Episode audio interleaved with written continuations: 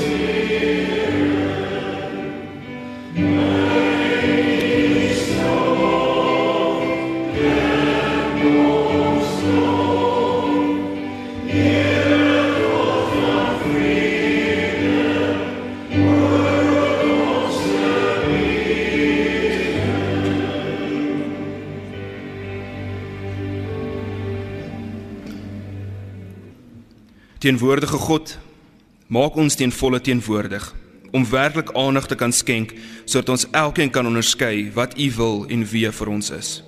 Ons bid vir 'n fyn wakker bewussyn om in ons eie hart en gedagtes te kan hoor en rig. Help ons om te sien hoe ons reageer in ons gedagtes, woorde en dade. Maak ons oop vir die rykdom van die oomblik sodat ons U genade kan ontvang wat ons lewens transformeer. Ons bid vir 'n volle teenwoordigheid by ander mense in hulle vreugde en hartseer. Leer ons luisterryk leef soos wat U na die aarde gekom het om intiem naby aan ons te wees. Ons vra dat U ons geestelike ore sal oopmaak om te hoor hoe U ons roep en ons na ons eie lewe te ontdek wie ons in U oë is sodat ons U en ander kan sien. Maak ons agente van lewe wat lig bring waar daar donkerte is, smaak bring deur sout vir die aarde te wees as wierook die aangename geur van die evangelie uit te leef. Teenwoordig Here, maak ons vanoggend teen volle teenwoordig. Amen. Kom ons loof die Here se naam met die volgende twee liedere.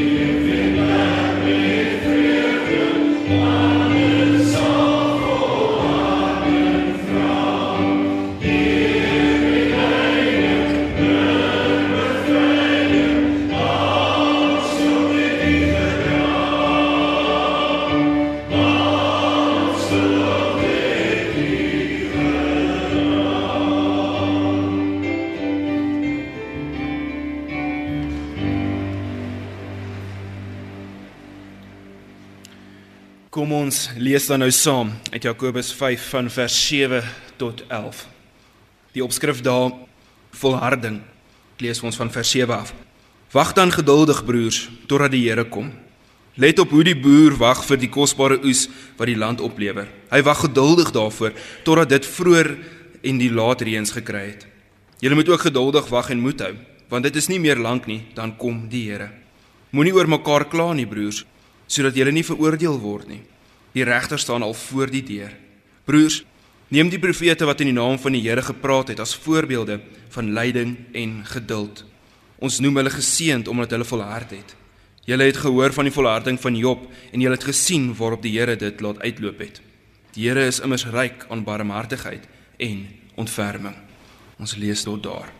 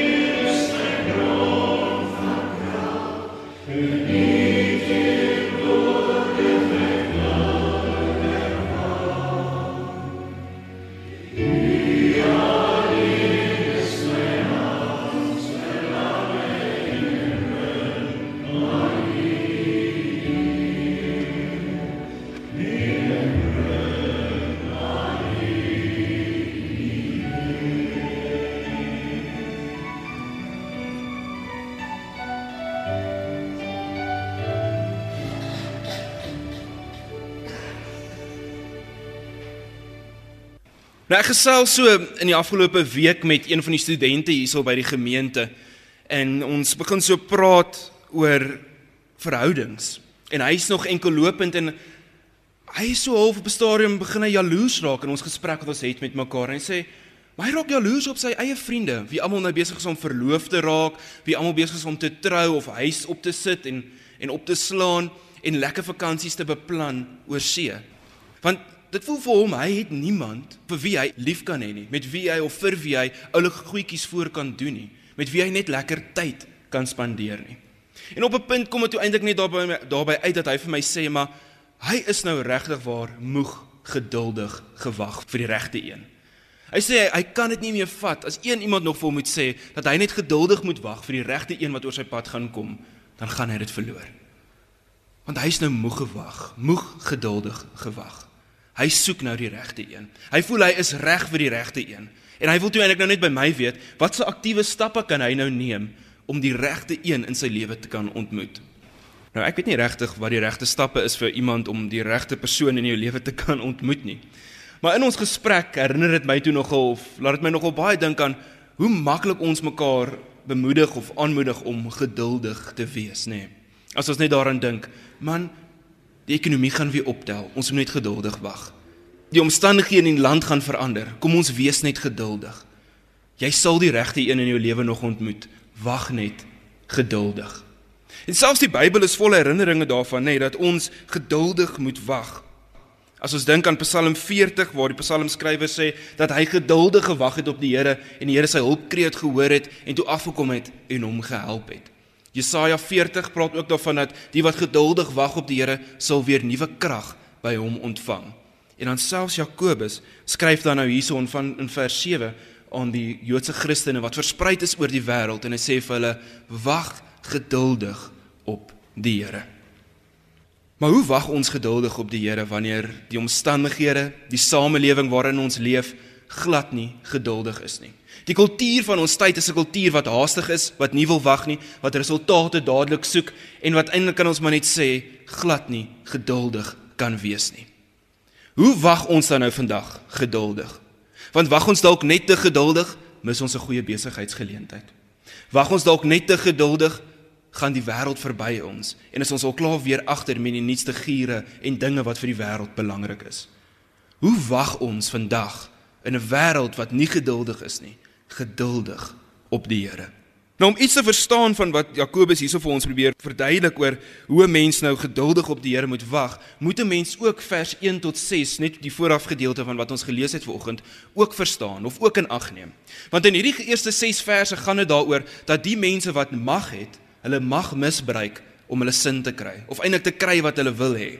So hulle pleeg onreg, onreg hulle tree onregverdig op met ander mense, misbruik aan hulle mag en is eintlik maar net totaal en al kan 'n mens sê die prentjie wat Jakobus vir ons in die eerste 6 verse probeer skets, tree hulle eintlik maar net goddeloos op met hulle medegelowiges. Gelowiges wat op 'n goddelose manier optree teenoor medegelowiges. En dis dan hierop waarop Jakobus reageer. En in die eerste en dan van vers 7 af gee hy dan 'n eintlike boodskap vir beide hierdie groepe, die wat verontreg word en die wat onregverdig optree teenoor ander. In die eerste plek sê hy dan vir hulle: "Maar as jy onreg ervaar in jou lewe, hou moed. Bly geduldig wag op die Here." En in die tweede plek sê hy dan vir hulle: "Maar vir elke gelowige behoort dit te gaan om die geregtigheid en die barmhartigheid van die Here na te streef en uit te leef." Dis waaroor dit moet gaan. En daarom is dit ook vir ons vandag 'n boodskap. Want is ons besig daarmee om die geregtigheid en die barmhartigheid van die Here na te streef en uit te leef daar waar ons ook al gaan. Nou een van die redes hoekom ek so mal is oor Jakobus se brief is omdat dit my as gelowige tot aksie roep. Dit maak my opgewonde om my geloof uit te leef. Dit daag my uit om my geloof te gaan deel in die wêreld en nie net die Here passief te aanbid nie.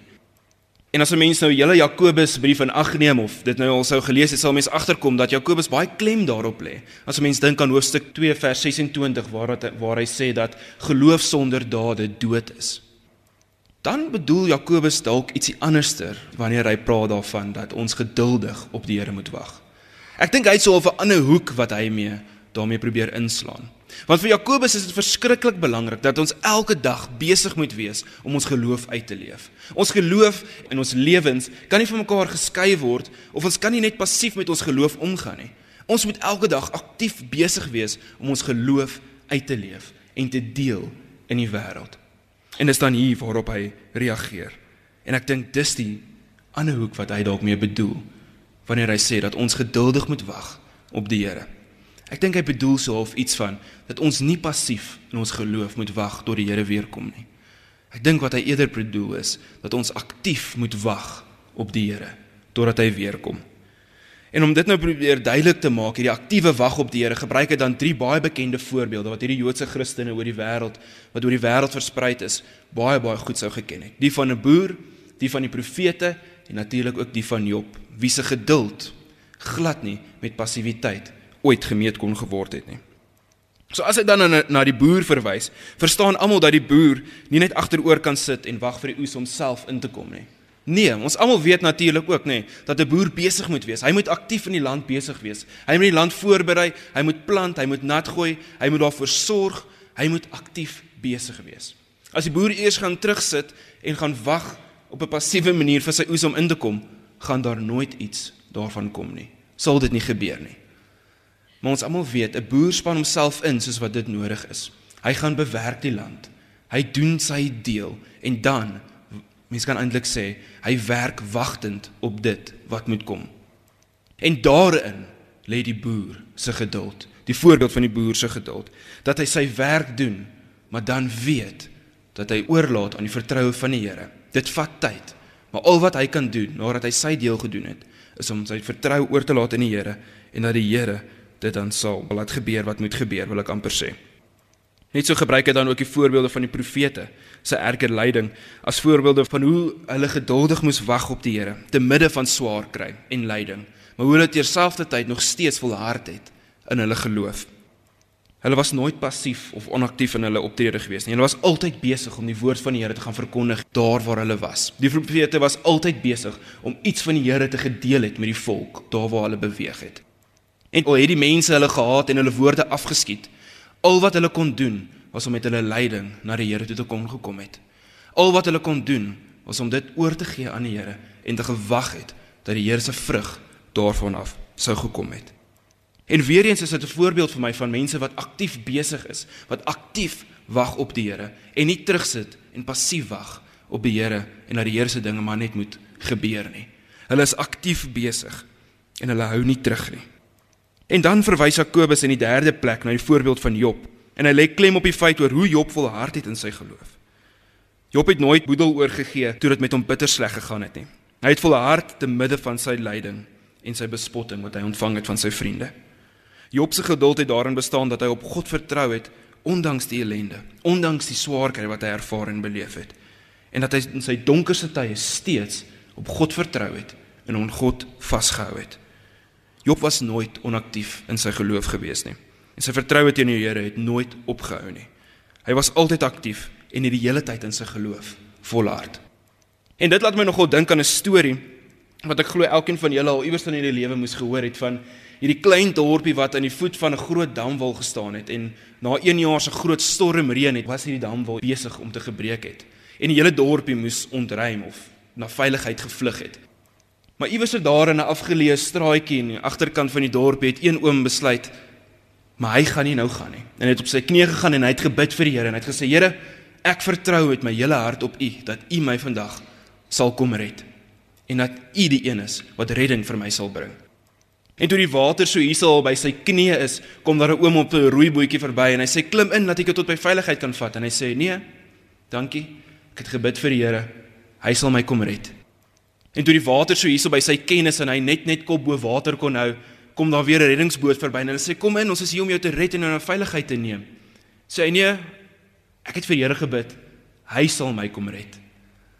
En toe die huis heeltemal oorspoel is of vol is met water en hy op die dak sit en daar 'n helikopter gekom het om hom tot veiligheid te geneem het, sê hy weer eens vir die helikopter: "Nee, ek het vir die Here gebid. Die Here sal my kom red. Hy sal die een wees wat my kom red."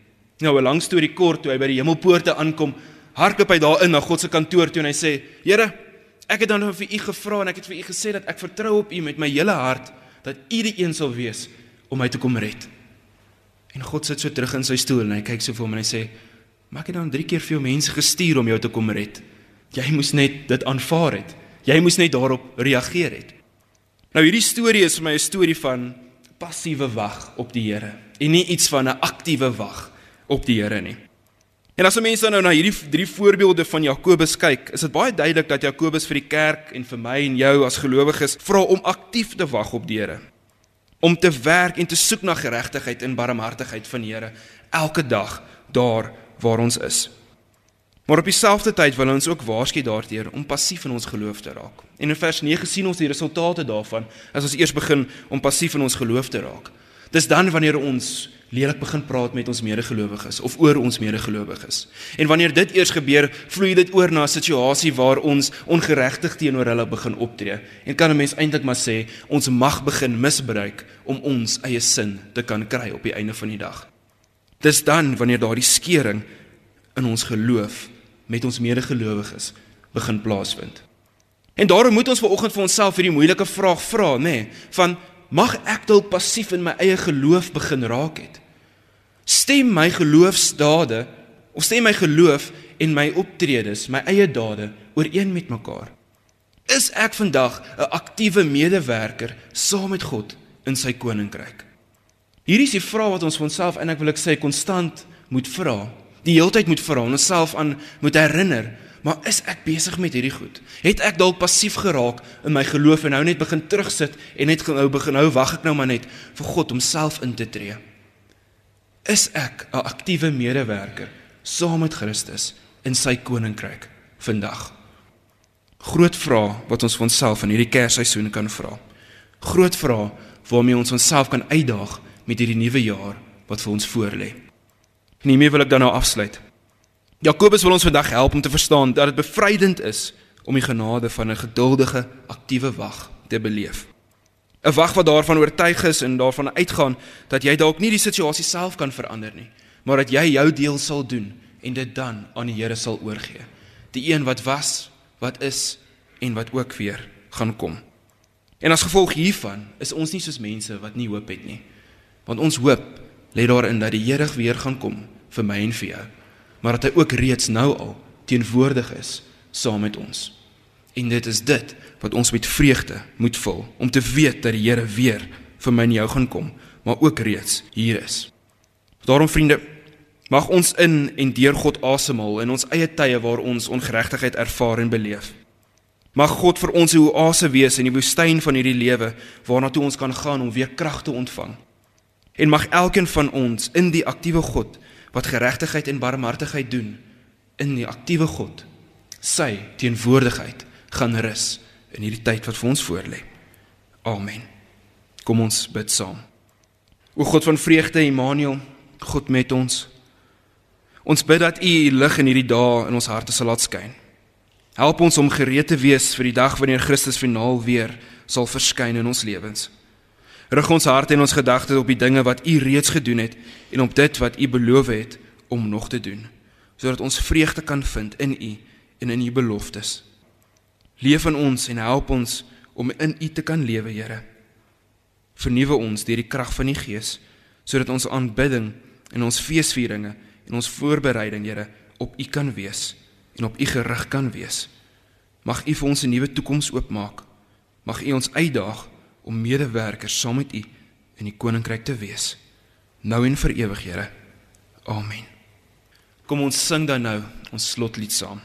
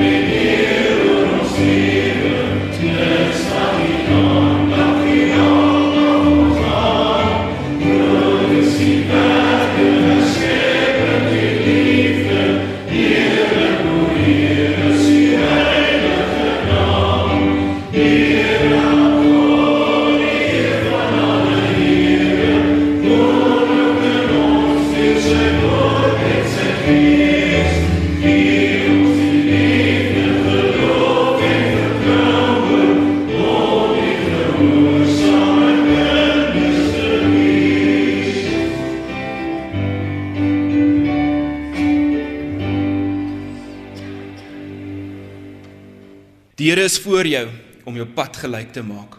Die Here is langs jou om jou in sy arms toe te vou. Die Here is agter jou om die bose af te slaan.